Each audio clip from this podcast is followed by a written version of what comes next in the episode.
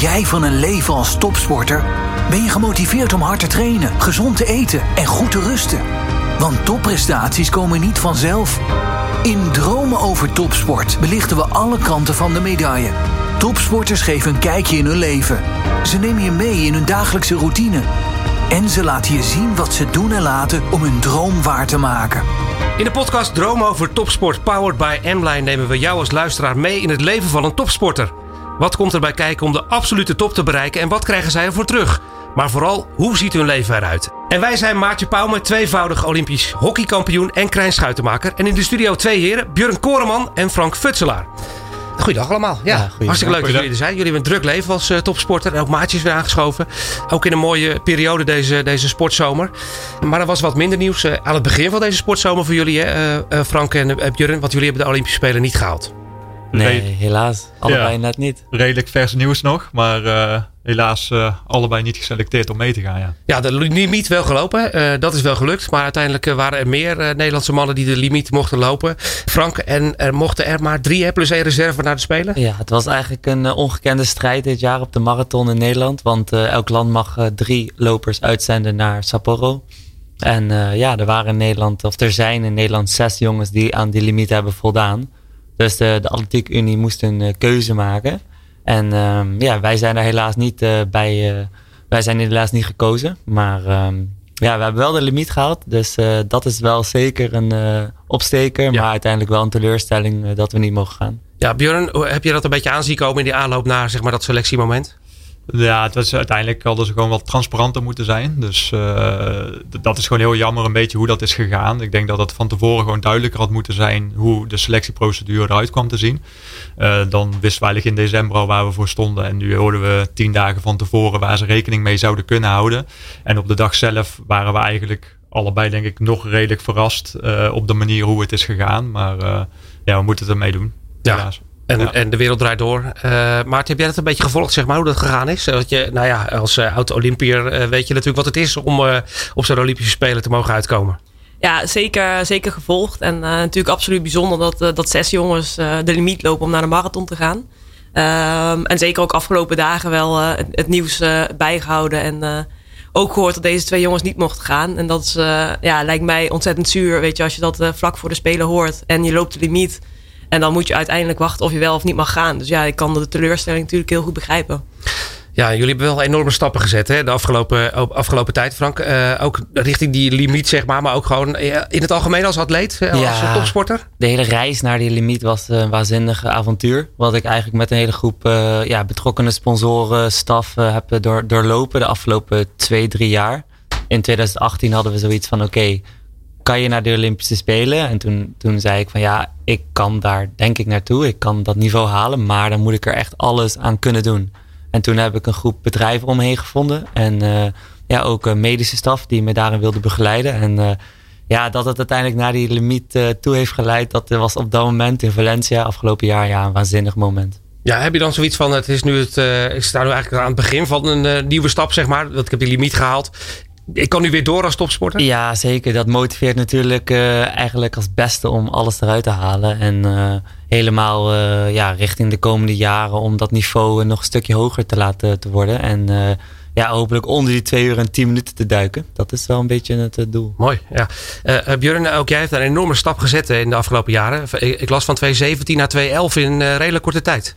Ja, ik heb nu twee marathons gelopen. De eerste was inderdaad 2017 en de tweede was 2011 eigenlijk bij mij is vooral dat de Olympische Spelen een jaar werden opgeschoven. Heeft mij de kans, uh, of de kans gekregen om me te gaan kwalificeren. Omdat eigenlijk vorig jaar toen de Olympische Spelen nog gewoon op de planning stonden voor 2020, zou ik eigenlijk Frank gaan hazen richting de limiet.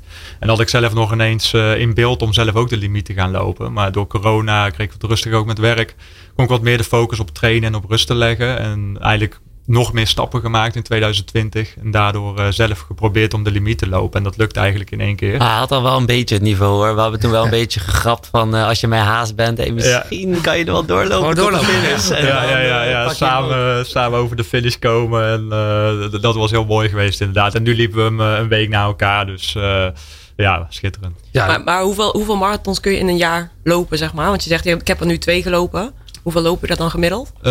ja, normaal hou je het ongeveer op twee marathons per jaar. Dus ik liep in oktober 2019 en daarna liep ik mijn volgende wel pas in december 2020. Dus zat een jaar tussen. Ehm, maar ja, als je echt naar het herstel en zo kijkt, dan, dan wordt er een beetje uitgegaan van twee marathons per jaar omdat het toch wel echt een aanslag is op je lichaam. Ja. Nou, dat begrijp ik, ja. ja. maar er zijn ook voorbeelden. In Japan kennen we allemaal iemand die om de week loopt. En ook op waanzinnig niveau. Boston winnaar, Yuki Kawauchi heet hij. Ja. En dat is bijvoorbeeld een voorbeeld. Die loopt er wel uh, volgens mij 15 per jaar. En ja. 20 eh, halve marathons. Ja, die heeft 100 marathons gelopen onder de 220. Geweldig. Ja. Dus het, dus het is ook maar net, laat maar zeggen, het is ook een beetje out of the box denken van... Oké, twee marathons, ja, dat is wel logisch. Maar het hoeft niet per se zo te zijn. Je moet echt wel uh, kijken naar je lijf en wat dat kan. Ja. Ja, Frank Björn, we gaan dit, uh, deze podcast uh, een beetje in jullie leven duiken. Uh, dat zag er aanvankelijk, Björn, bij jou te beginnen heel anders uit. Ook trouwens bij jou, Frank, want jij was voetballer en Björn handballer. Hoe ben je dan atleet geworden en marathonloper in specifiek? Ja, ik zat op een gegeven moment, volgens mij 2011, zat ik met mijn vader op het terrasje. En hij zei, ja, ik doe morgen mee met de singelloop in Breda. Nou, ik zei, nou, waarom doe ik ook niet mee? Hij zei, ja, je kan je nog inschrijven. Dus uh, ik zei, nou, dat doe ik wel de vijf kilometer mee. En zo heb ik eigenlijk mijn eerste wedstrijd gelopen. Ik geloof dat ik twintig en een halve minuut erover deed, over de vijf kilometer. Maar ik had wel een lekker gevoel aan overgehouden. En handbal had ik al niet zo heel veel plezier meer in. Ik had een vriendenteam, was een beetje uit elkaar gevallen. En plezier was gewoon een beetje weg. Dus toen, een jaar later, heb ik weer met dezelfde wedstrijd meegedaan. Toen liep ik een minuutje harder. En uh, toen kreeg ik toch steeds meer om me heen te horen van ja, je moet er eigenlijk wat meer mee gaan doen. Ga eens een keer trainen, kijken wat er dan mogelijk is. Een halfjaartje later liep ik onder de 18 minuten en weer een half jaar later liep ik onder de 16 minuten. En uh, toen deed je opeens mee om, om prijzen bij leuke regionale loopjes en zo. En dat heeft me wel echt getriggerd om door te zetten.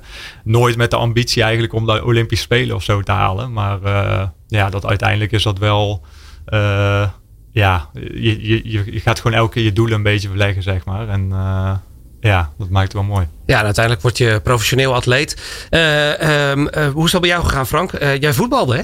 Ja, zeker. Ik liep altijd iedereen in de weg. Dus op een gegeven moment zeiden ze van... ga met die conditie wat anders doen. En toen heb ik ook met wat lokale wedstrijdjes meegedaan. Bridge to Bridge in Arnhem. En ja, wat wat wedstrijdjes al redelijk voorin gelopen. Ook 17 eh, minuten, 18 minuten op de 5 kilometer liep ik toen. En uh, ja, op een gegeven moment uh, had ik er niet zoveel zin meer in. Want ik deed wel lopen, maar had ik toch ook zin om te gaan studeren. En, um, en ook te gaan werken voor de klas. Heb ik een paar jaar gewerkt. Maar toen begon het toch weer een beetje te kriebelen. Hey, dat talent zit er toch. En toen ben ik op 22 jaar leeftijd heb ik mijn baan opgezegd. En dacht ik, ga er gewoon voor. En ja, dat is nu ja, zeven jaar geleden. Acht jaar geleden. En uh, nu uh, ja, de Olympische limiet gehaald. En uh, ja, professioneel atleet. Dus dat is wel een hele bijzondere reis geweest. Ja, mooi verhaal, Maatje. Jij begeleidt ook topsporters. Dit zijn wel misschien wel droomatleten, zeg maar. Om, om te begeleiden, zeg maar. Als je binnenkomt met iemand die graag wil. En ook dat ook kan uiteindelijk, hè? Ja, ik denk dat dat het allerbelangrijkste is. Als je, dat je iets doet dat je echt leuk vindt. En ergens echt vol voor wil gaan. Die eigen keuzes maakt. ik denk dat dat als coach, ja niks mooiers is dan zulke atleten te begeleiden en daarmee bezig te zijn. En ik denk dat het uiteindelijk ook echt uit jezelf moet komen als je iets, uh, als je iets wil bereiken en als je je doelen wil behalen. En uh, zoals deze twee vertellen, ja, dan is het gewoon prachtig uh, om te zien zeg maar, hoe zij hun weg hebben bewandeld. En wat ik gewoon leuk vind, is dat ze eigenlijk dus begonnen zijn met andere sporten. En op 2, 23-jarige leeftijd voor een totaal andere sport kiezen. En ik denk dat best wel veel mensen zich afvragen, weet je, van, van marathon lopen, van hoe hou je dat vol? Weet je wel, hoe maak je je trainingsschema's? Hoe kun je toch iedere keer die 42 kilometer daar uh, lopen? Zeg maar. Dus dat, uh, ik vind het een, een, mooie keuze van teamsport ook naar die individuele sport. Van ja, waarom kies je vanuit teamsport uiteindelijk naar individuele sporten? Ja, hele goede vraag eigenlijk. Ja, het is eigenlijk eh, ook een beetje wat je natuurlijk uh, overkomt, waar je je talent in, uh, in vindt. En waarin je dus ja, prijzen pakt met lokale wedstrijdjes, wat leuk is om ernaast te doen. En dan ga je daar ook over nadenken. En dan denk je van, hé, hey, ja, kan ik daar niet wat meer mee? En ik denk dat dat op alle gebieden is waar je goed in bent. Van, hé, hey, ik ben daar goed in, ik, ik haal daar voldoening uit en hoe kan ik dat verbeteren? En bij het voetbal, voor mij was het best wel lastig, omdat ik super fanatiek was. En ik na, bij de derde helft aan een fristie zat. En uh, ja, die jongens uh, die alweer aan het lachen waren. En ik was nog een beetje geïrriteerd van het verlies wat we net hadden gehad op het veld. En uh, ja, die, die motivatie, of tenminste die, dat fanatisme, dat kon ik wel kwijt. Echt in het hardlopen. Want ja, dan doe je het in je eentje. Dus daarom heb ik die overstap echt naar het individuele kunnen maken. Ja. ik vond ook altijd het niveauverschil zeg maar, bij de teams wordt bij ons was dan enorm hoog tussen verschillende spelers. En dan was je enorm aan het irriteren aan andere spelers, zeg maar. Terwijl als je nu iets goed doet, doe je het zelf. Maar als je het slecht doet, doe je het ook zelf, zeg maar. En uh, ik denk dat dat ook wel gewoon fijn is. Dat je alles gewoon naar jezelf toe kan trekken. En uh, ja, op die manier kan bekijken, ja. Ja, precies, ja. Hoe gaat het, zeg maar, uh, ik kan me voorstellen, stel je hockeyt, hè, je komt op een gegeven moment in uh, oranje onder uh, 19 en dan groei je daar eigenlijk in op. ik heb het idee dat je als atleet toch een beetje zelf je weg moet gaan vinden. Hè? Hoe, hoe heb jij dat gedaan bijvoorbeeld, Björn? Um, ja, wel echt wat Frank net ook al zei, echt wel de juiste begeleiding om je heen. Kijk, het, is natuurlijk een individuele sport, maar uiteindelijk doe je alles wel echt als team. Frank en ik zijn ook gewoon enorm goede vrienden. Eigenlijk alle trainingsstages doen we ook zo wat samen, zeg maar. Dus um, ik denk dat je er nooit echt alleen voor staat. Het is ook gewoon uh, je trainer, begeleiders, medische staf, alles om je heen. Um, dus het voelt totaal niet als een individuele sport eigenlijk, omdat je zoveel ook samen doet. Ja, we zijn net weer terug van een trainingstage met z'n twee eigenlijk. En, um, dus ik, ik, denk dat, ja, dat je er eigenlijk nooit alleen voor staat in deze sport. Ik moet wel zeggen dat binnen het hardlopen is het uh, wel je eigen weg vinden. Want bij voetbal bijvoorbeeld speelden we op eerste klasniveau op zaterdag, wat best wel hoog was. We, re we reisden het hele land door. Maar je kwam in skyboxen, alles lag klaar, shirtje lag klaar. Uh, je veters werden nog net niet gestrikt. Ja. En uh, bij het hardlopen, ja, dan ik weet nog wel een van mijn eerste wedstrijden toen ik wat jonger was. Ik had nog nooit van het woord spikes gehoord. En ik ging door het bos rennen. Maar ik had niet van die puntjes eronder. Dus ik was bij de start al kansloos. Ja. Maar van die dingen waar ik ja, helemaal geen begeleiding in kreeg. Of uh, dat moet je allemaal zelf uitvinden. En uh, ja, bij voetbal ben je toch echt een club en een team. En dat is veel meer georganiseerd. En bij het hardlopen moet je dat echt uh, ja, allemaal zelf uitzoeken. Ja, maar ook de juiste mensen om je heen verzamelen. Hoe vind je die? Of krijg je op een gegeven moment contact met een goede trainer... waardoor dat netwerk automatisch komt? Ja, uiteindelijk heb ik wel de juiste trainer gevonden. Ik heb eerst een paar jaar bij een andere trainer gezeten, wat gewoon niet klikte, constant geblesseerd. En eigenlijk trainde iedereen op hetzelfde schema. Uh, en op een gegeven moment had ik wel, uh, dan zit ik nog steeds bij dezelfde trainer, bij Bram Wassenaar. En eigenlijk sloot dat zo goed op elkaar aan. En hij weet gewoon precies wat ik, wat ik moet doen en wat ik niet moet doen, zeg maar, om, uh, om beter te worden. Maar hij weet me ook gewoon naar de juiste mensen te brengen als ik ergens mee zit of als ik een pijntje heb of dat soort dingen. Dus ik denk, ja, gewoon wel de juiste mensen om je heen vinden, ja. Ja, jullie hebben wel andere trainers, hè? Ja, zeker. Ja. Bram is een mooie kerel. Ik zou ook goed bij hem kunnen trainen. Maar mijn trainer is Titus Vierkens en uit Zevenaar. En uh, ja, weet je, die man die staat dag en nacht klaar voor zijn atleten. En allemaal op individueel niveau. Dus de schema's die hij schrijft, ja, die zijn allemaal gebaseerd op zijn ervaringen. Wat hij ziet in de training en de feedback wat hij terugkrijgt. Maar ook gaat hij mee op de fiets en analyseert hij de tempo's. Ja, dat is zo gedetailleerd. Dat is een wandelende rekenmachine. Als ik een bepaalde kilometer split heb gelopen, dan weet hij precies weer wat voor tempo dat is. Of in welke hartslagzone dat is. En dat is allemaal zo, ja, zo uh, specifieke kennis. En zo'n persoon die met zo'n fanatisme en plezier daarmee omgaat. Ja, die heb je ook echt wel nodig om weer die volgende stap te, te zetten in je eigen carrière. Ja, uh, is het een mooi leven? Het leven van, uh, van nou, echt topatleten. Uh, om lekker bezig te zijn en marathons te lopen en te plannen? Ja, heerlijk. Kijk, ik werk er nog wel naast, maar uh, ik ben wel gewoon fulltime met mijn sport bezig. Dat, dat is wel belangrijk. Um, ja, en ik had dit vorige goud willen missen. Ook heel deze, hoe we er nu voor staan richting de Olympische Spelen natuurlijk. Uh, dat je überhaupt die limiet hebt gelopen. Ja, ik vind het schitterend. Uh, tien keer per week trainen, elf keer per week. En ik vind het heerlijk. Ja. ja. Hey, en hoe, hoe, hoe combineer je dat met je werk dan? Als je 10, 11 keer in de week traint? Um, balans. Dat is echt wat ik vaak doe is dat ik in het weekend gewoon helemaal niet werk. Want ik heb mijn eigen bedrijf. En dan uh, is echt de focus ook heel veel op rust. dus dat ik ook smiddags uh, naar bed ga. Door de week lukt dat gewoon niet. Maar train ik wel vaak twee keer per dag. Dus dan gewoon aan het begin van de dag rond, rond half acht ga ik dan trainen. En dan vaak s'avonds of eind van de middag. Ja, doordat ik mijn eigen tijden in kan delen, vind ik het fijn om zeg maar rond een uur of vier of zo dan te gaan trainen. Zodat ik s'avonds of gewoon rustig aan kan doen of nog een beetje kan werken. Um, maar het fijne is dat ik gewoon echt mijn eigen tijd in kan delen. En uh, in principe is daar ook gewoon heel mijn trainingsschema op gebaseerd. Dus uh, in principe hebben mijn trainingen gewoon voorrang op alles. Um, maar ja, het is uiteindelijk gewoon een balans vinden. Dat is echt, uh, daar hebben we lang naar moeten zoeken. Maar uiteindelijk de laatste twee jaar is dat, uh, is dat wel goed gekomen. Ja.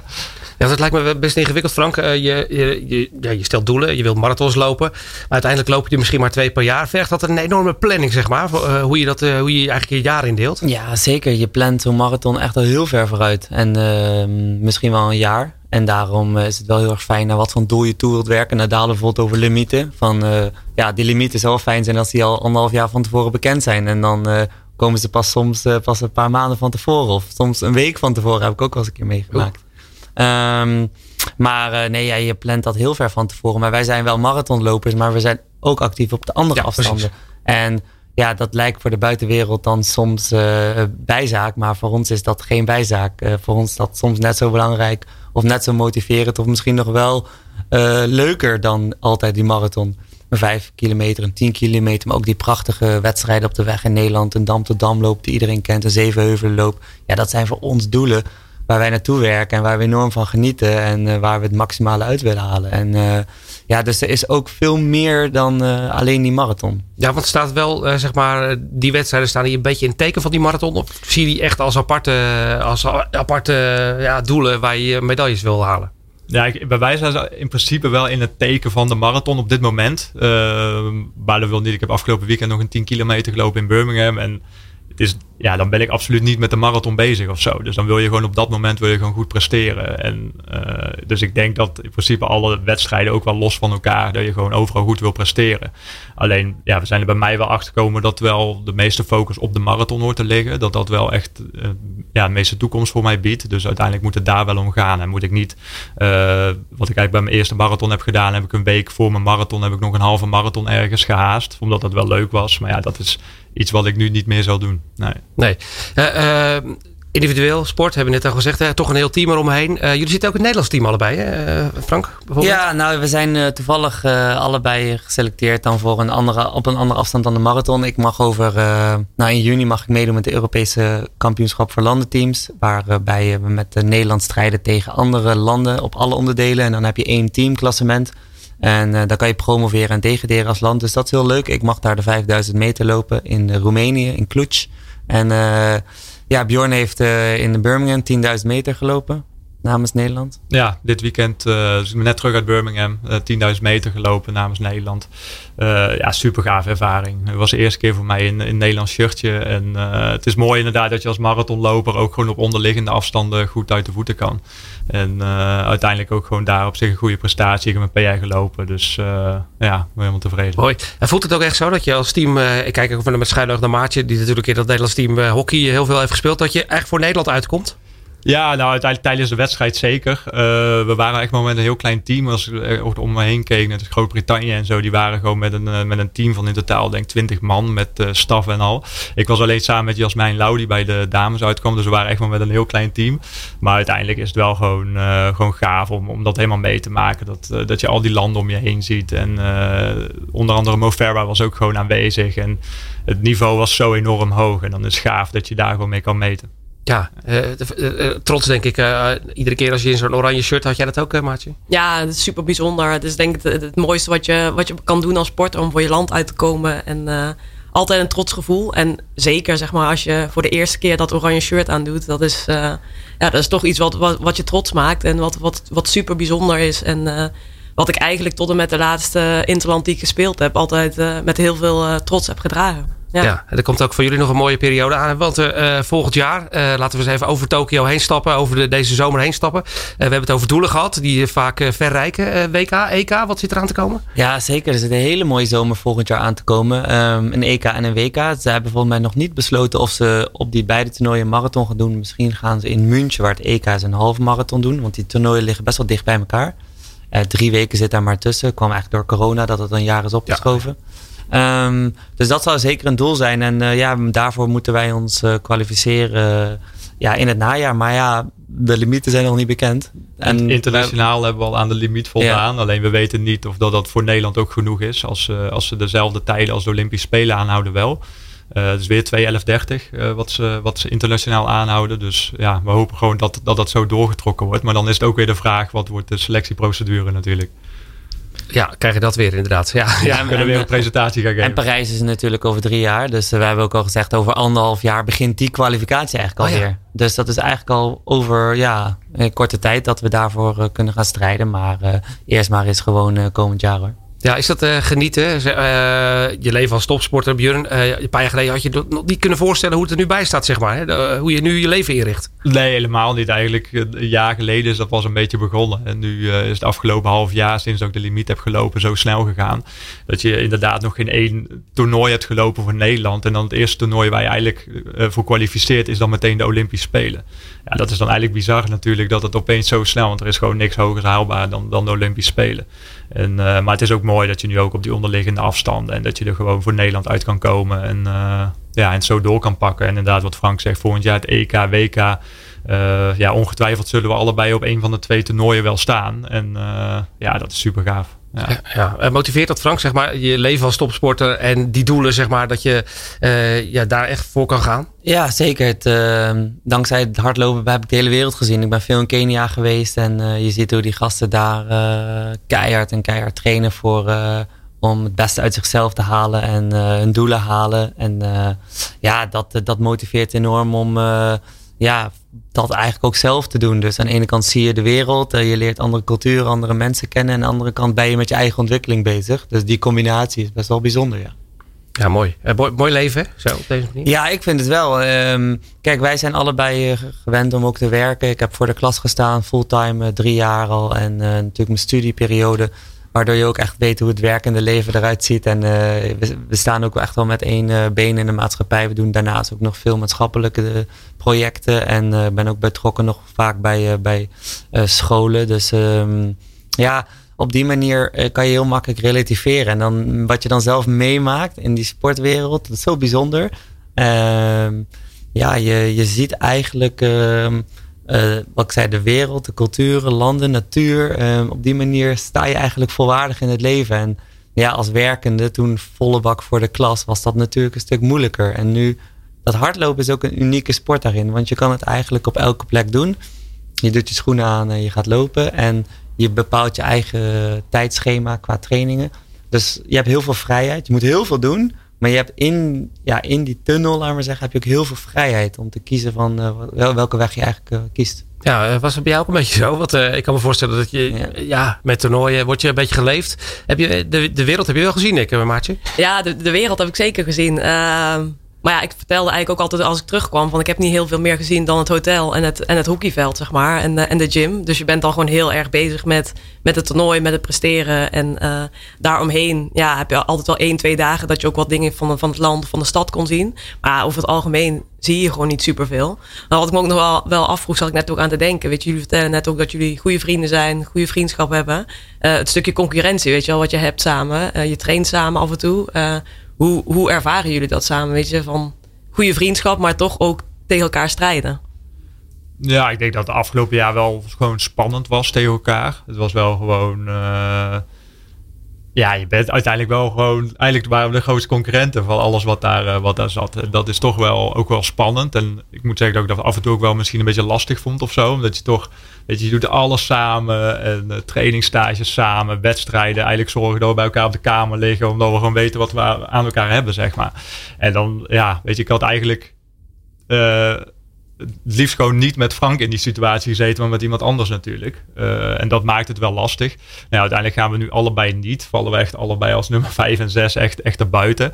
Nou ja, dat is dan ook al fijn dat we dat ook samen kunnen doen, zeg maar. Dat, dat die kant, uh, dat, dat, ja, we, we, weten gewoon wat we aan elkaar hebben. Dus dat we ook daarover gewoon goed met elkaar kunnen praten en zo. Dus... Uh, ja, dus er zaten wat nadelen aan, maar nu ook op zich ook wel weer voordelen, denk ik, dat we het samen zo kunnen doen. Maar ik denk ook dat we het elkaar enorm gunnen om gewoon het hoogst haalbare te, te halen, zeg maar. Dus uh, ja. Ja, mooi. Ja, voor jou Frank, hoe is dat? Ja, het is gewoon bizar dat je met een van je beste vrienden in zo'n situatie komt dat je strijdt voor de Olympische Spelen. En ja, eigenlijk, uh, ik denk dat ook wel weer dat relativeringsvermogen dan terugkomt van dat je probeert te genieten van de unieke situatie. En natuurlijk uh, uh, bij je concurrenten, maar je focus je gewoon heel erg op wat je zelf kan doen in die situatie. En je weet gewoon, oké, okay, ik wil mijn beste prestatie leveren. En daar wordt op geselecteerd. Um, daarom was het ook best wel lastig dat we dan een soort van presentatie moeten houden. Om te vertellen van waarom jij vindt dat je naar de Spelen moet. Uh, want eigenlijk word je daarmee bewust een beetje tegenover elkaar gezet. Um, terwijl van tevoren die regels gewoon glashelder moeten zijn, waardoor je ook niet in een grijs gebied komt. En dat was wel lastig, want ja, je gunt het elkaar allebei, maar ja, je probeert ook uh, argumenten te zoeken waarom je beter bent dan de ander. Terwijl ja, ja, dat is wel is gewoon moeilijk. maar eh, even in, voor de beeldvorming, zeg maar, van in die presentatie moest je dan vertellen waarom jij naar de Spelen mocht gaan. Um, moest ja, gaan. ja, je, je, moest eigenlijk presenteren uh, waarom, uh, ja, wie jij vindt dat er naar de Spelen moeten gaan en hoe je tot jouw prestatie bent gekomen en ja, waarom jouw prestatie eigenlijk het waard is uh, om naar die Spelen te gaan. En ja, ik heb toen heel duidelijk gezegd, kijk, ik vind gewoon dat de snelste drie moeten gaan. En um, ja, dat heb ik ook verteld aan ze, dat die, dat die regels duidelijker moeten. Maar ja, er is bijvoorbeeld een reserveplek. En de reserveplek is ook nog een kans. En ik bijvoorbeeld vond wel dat ik op die reserveplek aanspraak maakte. Toen heb ik dus wel gezegd waarom ik vind dat mijn prestatie beter is dan Bjorn en Michel. Maar ja, dat is best wel lastig, omdat eigenlijk die, die liggen heel dicht bij elkaar allemaal. Want we hebben eigenlijk hetzelfde niveau. Dus dat, ja, dat is gewoon lastig. Ja, het voelt een beetje alsof je moet zeggen er zijn drie goede en drie slechte. Terwijl je loopt allemaal gewoon de Olympische limiet. Weet je, in elk ander land, in België waren we naar de Olympische Spelen geweest. In, in Frankrijk hebben we maar drie de limiet gelopen. In Duitsland vier. Uh, en dan in Nederland als klein landje uh, moet je het met z'n zes uit gaan vechten. En inderdaad, als we gewoon van tevoren hadden gezegd de drie snelste gaan. Als we dat uh, een jaar geleden hadden gezegd, dat was voor iedereen gewoon duidelijk geweest. En wisten allemaal waar we stonden.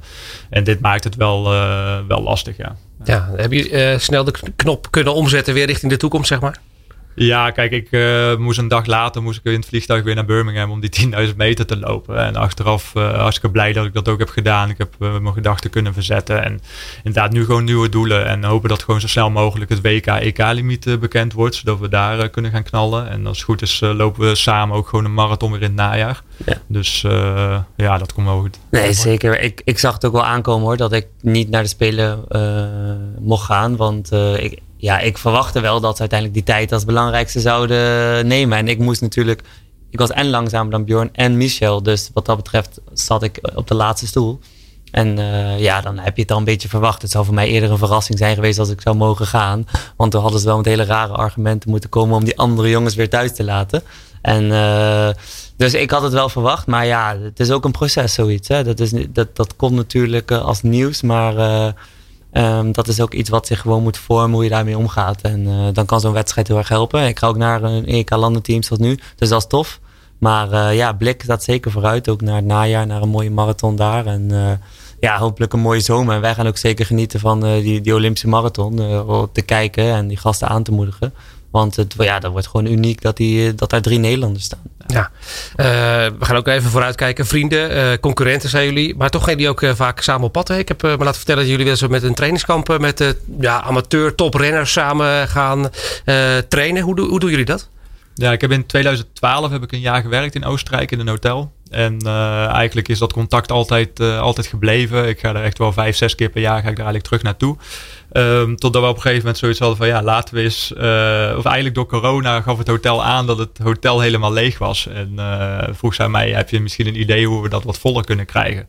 Dus samen met, heb ik met Frank gebeld, hebben we eigenlijk dat idee opgezet om een soort trainingstage te gaan organiseren in, in Zeeveld. Dat mensen eigenlijk gewoon een paar keer met ons mee kunnen trainen. Dat wij heel de training gaan begeleiden.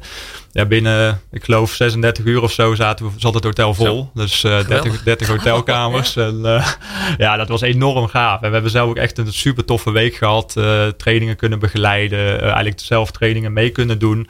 Dat was echt, echt enorm tof. En ik denk, ja, zodra, ja, we willen dit jaar weer gaan doen. Alleen het hing helemaal af natuurlijk van de Olympische Spelen. Of dat we wel of niet zouden gaan.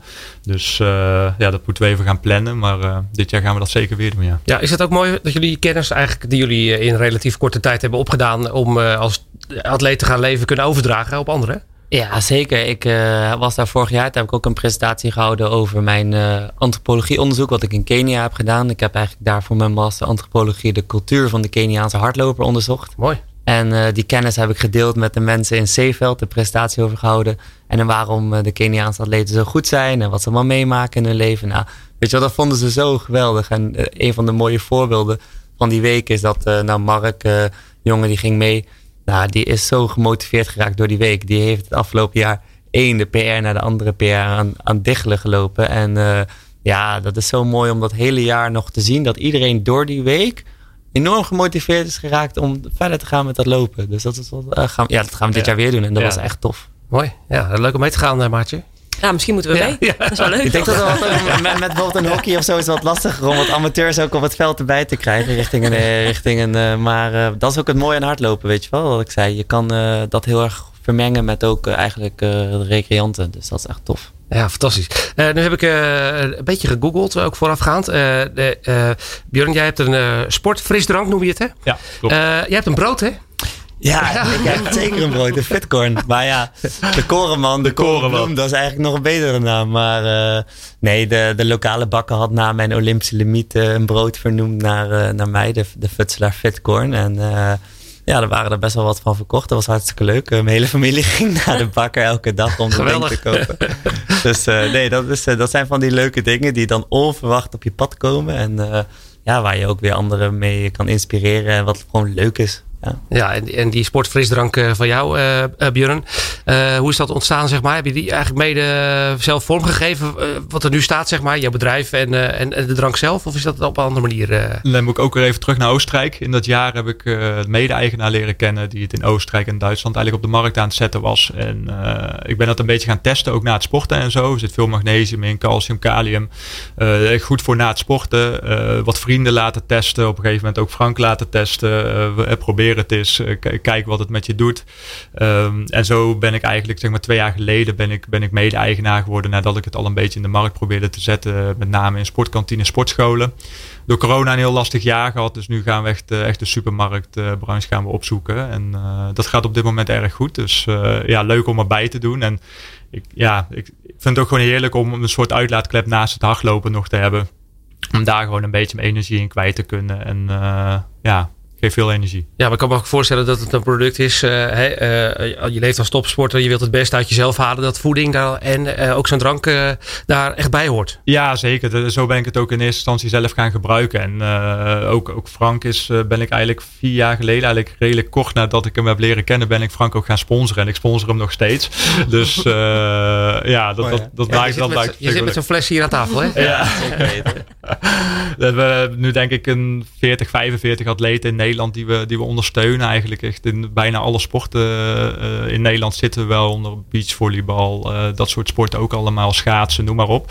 Dus uh, dat maakt het ook leuk. En zeker omdat je zelf ook gewoon die sportachtergrond hebt, is het gewoon leuk om, om daarin, daarin door te gaan. Ja. Ja, uh, interessant, uh, Maatje. Ja, super, super belangrijk natuurlijk. Uh, als atleet ben je altijd bezig met voeding, herstel, je lijf, zeg maar. En ja, ik denk dat het dan niks leukers is om mee te denken, zeg maar, hoe je dat het beste weer, zeg maar, op orde kunt hebben na een training en zo snel mogelijk hersteld kunt zijn.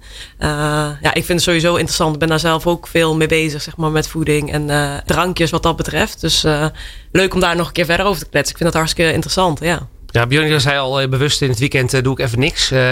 Tot rust komen, ook heel belangrijk voor een, voor een topatleet.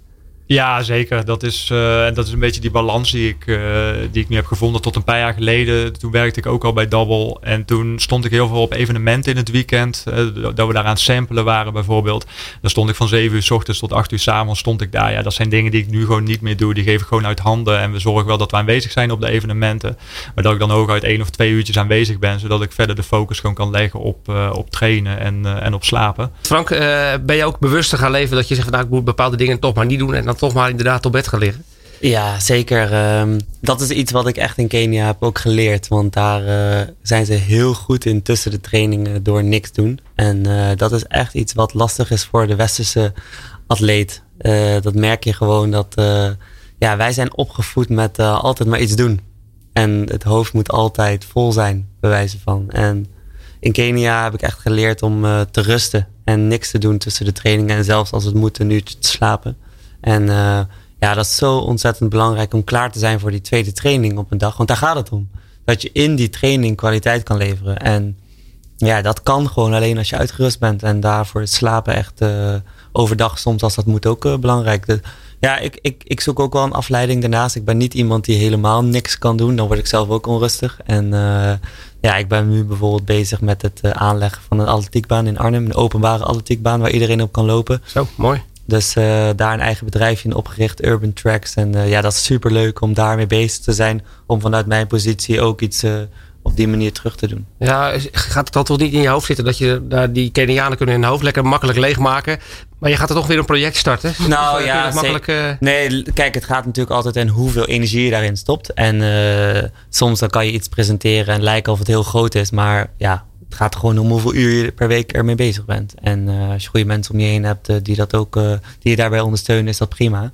Um, maar ik ga ook vaak naar Kenia toe zelf. Om daar echt soms een tijdje echt goed te focussen. Dit jaar ook gedaan. Acht weken op hoogte zelfs. En ja, die balans is, is zo belangrijk. En als je die niet hebt, dan hou je het ook niet vol. En dat zie je bij heel veel atleten hoor. Dat het, ja, dan gaat het goed een tijdje. Maar dan toch is die carrière niet duurzaam genoeg. Omdat die balans op een gegeven moment wegvalt. Ja, houden jullie elkaar, uh, op dat punt uh, scherp? Zeg maar, hè, uh, Frank heeft al een paar keer over Kenia gehad. Heb je dan zoiets van, dat moet ik ook gaan doen? Of gaan jullie samen juist? Ja, ik zit dan sinds dit jaar ook in het LN Running Team, waarin ook heel veel Kenianen, Ethiopiërs zitten. Uh, dus die kans is er zeker. Uh, had ik ook dit jaar kunnen doen. Maar ja, inderdaad, ik weet niet of dat mij meteen trekt, zeg maar. Ik voor mij is het ook best wel lastig om langer dan bijvoorbeeld drie weken weg te gaan. Terwijl als je naar Kenia of zo gaat, is vier weken of zo is echt wel eigenlijk belangrijk, minimaal, om echt op die hoogte te kunnen trainen. Um, mijn trainingsstages zijn mijn vakanties. Uh, dus ik ga eigenlijk heel het jaar niet op vakantie. Althans, als ik op vakantie ga, is het gewoon een trainingsstage. Omdat ik mijn tijd wel zo moet benutten dat alles wel klopt, zeg maar. Um, dus ja, ik denk dat het bij elkaar wel even iets anders ligt. Um, maar Kenia ligt zeker wel, zit wel in de planning om, uh, om ooit te gaan doen. Misschien volgend jaar toch richting een voorjaarsmarathon.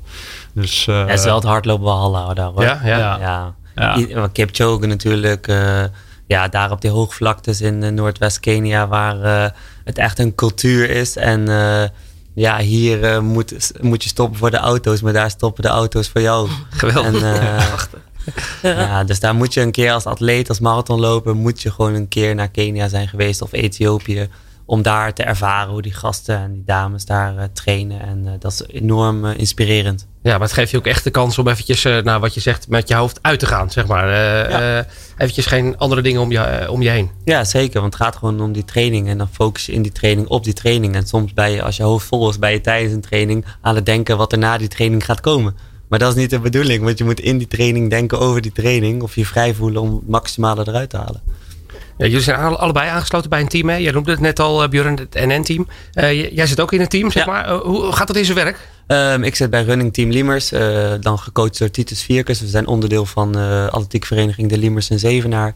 En eigenlijk zijn we een groep van 15 hele fanatieke wedstrijdatleten. En ja, als je wedstrijdatleet bent, dan kan je aansluiten bij ons team. we trainen drie keer in de week samen. Uh, Titus maakt dan de schema's dagelijks, uh, dagelijks voor de atleten. En ja, dat is gewoon heel leuk om samen te trainen. Ook al zit je niet op hetzelfde niveau. Sommigen lopen een 800, ik loop marathon. Maar we doen altijd de warming-up samen en, en training op de atletiekbaan tegelijkertijd. Um, ja, dat is heel tof. En ja, Titus is een enorme inspiratie om voor dat hardlopen te gaan. Want als je bijvoorbeeld als triatleet bij ons komt, zegt hij ja, nou, sorry, ik kan niet zwemmen en fietsen. Dus, ja, ja. Weet je, hij is echt hardlopen in, uh, in hart en nieren. Dus uh, die begeleidt ons. En uh, ja, in de regio hebben we, hebben we echt een mooie status. Een aantal bedrijven die ons sponsoren. En ja, zo kunnen we als, zijn we als team mooi zichtbaar. En gaan we ja, als hardlopers halen we het beste eruit. Ja, mooi. Uh, dat NN-team, werkt dat een beetje op dezelfde manier, zeg maar? ja, beetje. ja, een beetje, ja. nou ja, ik ga kijken, het is wel echt, het is eigenlijk het enige commerciële hardloopteam uh, ter wereld.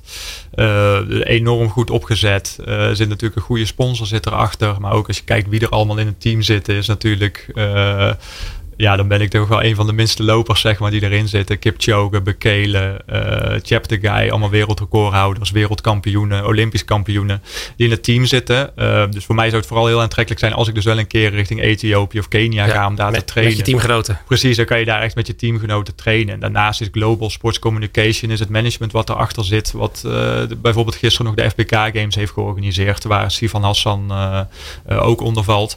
Um, dus ze kunnen gewoon heel veel voor je regelen, ook op op medisch gebied, maar ook op uh, ja, wedstrijdbemiddeling en zo. Dus dat is uh, dus ik zeker in het goede team. Het zou wel mooi zijn als er in de hardlopen wat meer van die teams komen. Dat je echt dat onderlinge strijd hebt. Want dan gaan mensen ook echt de verhalen herkennen. En naar die wedstrijd kijken van hé, de teams die strijden tegen elkaar, die hebben die atleten. En uh, dat is natuurlijk in, in de hockey of in de voetbal. Ja, dan weet je, oké, Bloemendaal speelt tegen Kampong of, of Ajax speelt tegen Vitesse. Dan, dat is zo herkenbaar, het is altijd hetzelfde. En dan word je onderdeel van die strijd. En dat probeert het NN Running Team ook te creëren eigenlijk met hardlopen. En ja, ik hoop dat dat een beetje doorontwikkeld wordt. En dat er wat, misschien wat meer teams gaan komen op die manier. Ja, ze willen dat vanuit NN willen ze dat ook echt wel. Dat dat, die hebben het eigenlijk opgezet met oog wel dat meer teams komen, zeg maar. Als voorbeeld. Ja, ja. ja. Alleen best wel lastig als al allerbeste lopers in één team zitten. Dan wordt het natuurlijk al redelijk lastig. Maar, maar het zou mooi zijn als bijvoorbeeld in Nederland dat gefaciliteerd wordt. Dat je binnen de, de, Dam tot Dam, de Zevenheuvel loopt. Dat je daar gewoon in, helder in beeld ziet. Oké, dat zijn de toplopers in Nederland. Want in de jaren 80 en jaren 90 was hardlopen geen recreatieve sport. Het was het puur een wedstrijdsport. Ja, Martin ten Katen. Iedereen kende Martin ten Katen. Iedereen kende um, uh, de, de marathonlopers, laat maar zeggen. Op de, de afstanden, Greg van Hess, noem maar op. En uh, ja, nu vallen wij eigenlijk weg in die massa. En uh, is het eigenlijk één geheel. En, en kennen de, zijn de, degene die in Amsterdam Marathon na vier uur over de finish komt, die boeit het echt niet dat uh, wij daar in twee uur en vijftien minuten, of twee uur en tien minuten hopelijk over de finish komen. En die, ja, die, dat zou mooi zijn als we die wedstrijdsport meer soort van in beeld kunnen brengen. Ja, want ik, ik kijk even naar het hockey. Je kunt ook fans creëren, denk ik, hè? Bij, die bij zo'n team horen, die dat team ondersteunen. Maartje, dat heb je natuurlijk bij de Bos meegemaakt. Ja, dat, dat, zeker, zeker bij teamsport zie je dat natuurlijk heel veel. Voetbal, hockey, handbal, eigenlijk, eigenlijk alle teamsporten. En als ik zeg maar een beetje vanaf de buitenkant meekijk, zie ik zeg maar de atletieksport en uh, de lopers zeg maar ook echt als individuen. Terwijl jullie natuurlijk ook vertellen, weet je wel, dat je een onderdeel bent van een team.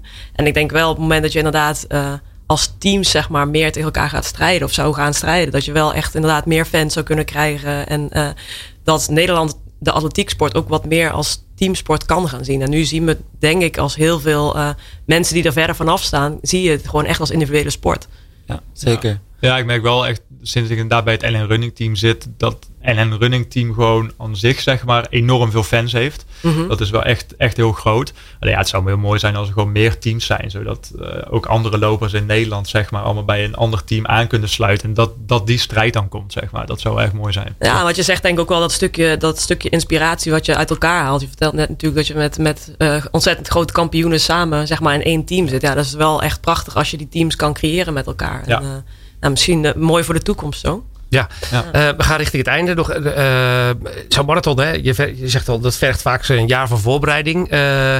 hoe ziet zo'n periode eruit na zo'n marathon? Frank, je zet een topprestatie neer. ben je dan helemaal kapot? Is het dan klaar? Ben je helemaal leeg? Is het, heb je dan, dan moet je eigenlijk weer een nieuw doel gaan verzinnen? Ja, dan wil je de eerste nacht liefst op de begaande grond slapen. Want dat je daarna niet de trap af hoeft. Want uh, ja, de eerste week uh, die is wel uh, heftig. Of de eerste paar dagen qua spierpijn. En ja, dan komt gewoon een periode van rust. En um, ja, ik heb meestal één tot twee weken dat ik helemaal niks doe. Misschien een beetje fietsen, zwemmen, dat soort sporten. Ja, en daarna komt al heel... Ja, in je hoofd ben je toch als sporter altijd weer bezig met dat volgende doel. Dat komt bijna automatisch. Daar hoef je niet over na te denken. En ja, dan ga je eerst weer even richten op wat andere afstanden. Maar ja, ik heb ook wel geprobeerd en dat heb ik ook echt gedaan. Om dan te genieten van familie, vrienden. Eventjes, uh, even rust, even niet dat alles moet, moet, moet. En dan ga je wel trainen, maar dan maakt het niet zoveel uit wat je precies van tevoren eet. Of dat je twee uurtjes minder hebt geslapen. Dat maakt dan allemaal even niet zoveel nee. uit. Terwijl in die aanloop daar naartoe zijn dat allemaal dingen waar je dan mee bezig bent. En uh, ja, dat is zo fijn aan die periode daarna. Dat je het even rust, dat je het los kan laten. En, ja. Uh, ja, ergens ook altijd een stukje frustrerend of zo vind ik zelf. Dat je dan, je bent zo enorm in vorm in die periode dat je die marathon gaat lopen. En dan doe je inderdaad één of twee weken train je gewoon niet. Of inderdaad een beetje fietsen of zo. Dan denk je, nou, ik ga weer een beetje beginnen met lopen. En dan ben je zo uit vorm. En dat, dat denk je van, ja, hoe kan het? Twee weken geleden liep ik nog 2.11, zeg maar. En nu uh, heb ik moeite met een duurloopje van 15 kilometer op, uh, op 15 per uur of zo, zeg maar. Ja. Dus dat is ergens dan ook wel dat je denkt van, ja, waarom ben ik niet gewoon door gaan trainen of zo? Want ik was toch in vorm. Ja, dus, was, uh, en dat is ja. anders nu, hè? Want je hebt van het weekend 10 kilometer gelopen. Is dat, voelt dat heel anders? Ja, het is bijna zwaarder dan de marathon, zo'n 10 kilometer. Dat is echt voor je gevoel 10 kilometer sprinten, zeg maar. Maar ja, het, het, maakt het wel leuk. En het maakt je ook sterk richting die marathon gewoon. En uh, je weet waarvoor je het doet. Dus, uh, maar het is wel pittig. Het voelt wel heel kort hoor. Als je die marathons ja. alleen maar gewend bent. En in één keer ga je 10 kilometer lopen. Dan denk je, oké, okay, ja, dat is goed. Dat is een half uur. Dan laat maar zeggen, dat heb je dan in je hoofd. Gewoon een half uur knallen. Terwijl bij een marathon, ja, dat is zo lang. En voor ons is een 5 of een 10 kilometer dan... Uh, ja, dat is zo anders gaan, een andere beleving gekregen, gekregen in je hoofd. En ja, dat is wel dat mooie van die marathon, dat die onderliggende afstanden, ja, dat je die soms ook meer durft aan te pakken. Omdat je dan ja, daar makkelijker naartoe kijkt of zo. Mooi, we hebben het gehad over doelen, uh, over uh, nou, dromen, toekomst. Uh, volgend jaar EK, WK, Björn. Ehm, is dat iets wat nu al helder begint te waar de focus op ligt, zeg maar? Ja, zeker. Kijk, het, is, het zou heel fijn zijn wat we net al zeiden als gewoon bekend wordt wat de limieten worden. Uh, zodat we daarop kunnen gaan focussen. En ik denk dat voor nu, zeker als we een beetje wat langer termijn kijken, gewoon volgend jaar gewoon inderdaad EK, WK. Uh, het mooiste zou zijn, denk ik, EK halve marathon en dan drie, vier weken later WK marathon zou, uh, zou perfect aansluiten natuurlijk. Maar ik denk dat het ook goed is als we wel kiezen als het allebei een marathon wordt. Dat er twee teams gewoon worden gestuurd. Want ik, naast ons, naast de zes mensen die we nu hebben lopen in Nederland, die de limiet hebben gelopen, hebben we ook gewoon nog een hele groep met tussen de 2.13 en de 2.18, zeg maar. Dus uh, ja, de marathonsport is op dit moment gewoon enorm goed in Nederland. Dus het is leuk als we dat zo. Uh, ja, ja, zowel bij de mannen als bij de vrouwen. Want bij de vrouwen gaan ook gewoon twee atleten. En er waren er nog eigenlijk. Eigenlijk mocht Nederland drie vrouwen sturen. Maar de, bij de vrouwen stond de limiet voor Nederland één minuut harder. Waardoor uh, Rut van der Meijden. die liep de internationale limiet wel, maar de Nederlandse limiet niet. Die moet thuis blijven. Maar in principe kon ook drie Nederlandse vrouwen. En had je ook nog Britt Ummels, die Um, of uh, Bo Ummels. Bo Ummels. de tweelingzus. Die er ook voor ging. Dus bij de vrouwen heb je ook uh, heel veel kwaliteit eigenlijk in de breedte. Dus het zou mooi zijn als we daar met z'n allen mee aan de slag gaan. Mooi. Maartje, er komt veel moois aan, denk ik, op atletiekgebied, hè? Ja, dat denk ik wel als ik ze zo hoor. En uh, buiten zeg maar de limiettijden, hebben jullie zelf een tijd die je in je hoofd hebt waar je volgend jaar voor wil gaan strijden? Ja, eigenlijk dit najaar al wel, denk ik, uh, als ik dan voor mezelf spreek, is 2-9 wel het doel. Dus onder de 2-10 zeg maar te lopen. Dat is, is pas vier Nederlanders gelukt. Uh, maar eigenlijk zeker iets meer dan een minuut vandaan met 2-11-07. Dus zeg maar anderhalve seconde per kilometer als je het zo bekijkt, harder lopen. En dan, en dan zijn we er al. Dus, maar dat is eigenlijk voor dit jaar al, dit jaar al een doel, ja. ja. En ja, uiteindelijk wil ik wel gewoon richting die 2-7 ongeveer. Dat zou, dat zou heel mooi zijn. En jij Frank? Ja, zeker die 2-10 grenzen doorbreken, dat uh, zou echt waanzinnig zijn. En uh, ja, op lange termijn, ik heb altijd wel gezegd dat ik in Parijs uh, op de Olympische Spelen daar het beste wil presteren wat er in mijn lijf zit in mijn carrière. En in die periode. En ja, daar zijn die stappen richting 2-7. Dat, dat voelt nog wel echt als een beetje utopie zo. Maar dat is wel een verre droom. Maar ja, die 2-10 grens doorbreken, dat is stap 1. Want qua marathonlopers, hè, op welke leeftijd ben je zeg maar echt ja. op je best? Vaak wat ouder, toch? Het ligt ook een beetje aan je trainingsjaren. Want, en, en het is maar net aan ook hoe de cultuur zich binnen zo'n afstand uh, ontwikkelt. Want je ziet bijvoorbeeld in de turnen. Nou ja, dat was natuurlijk een uh, hele bijzondere cultuur waarin je als 15-jarige gedacht dat je dan het beste was. En nu is dat helemaal omgedraaid. En nu zie je ook Sander Lieke Wevers die op oudere leeftijd super goed zijn. En zo is het hardlopen ook. Er werd gedacht, je moet altijd oud zijn. Maar in Kenia en Ethiopië zie je ook nu gasten van 1920 die die tijden lopen van 2,4, 2,5.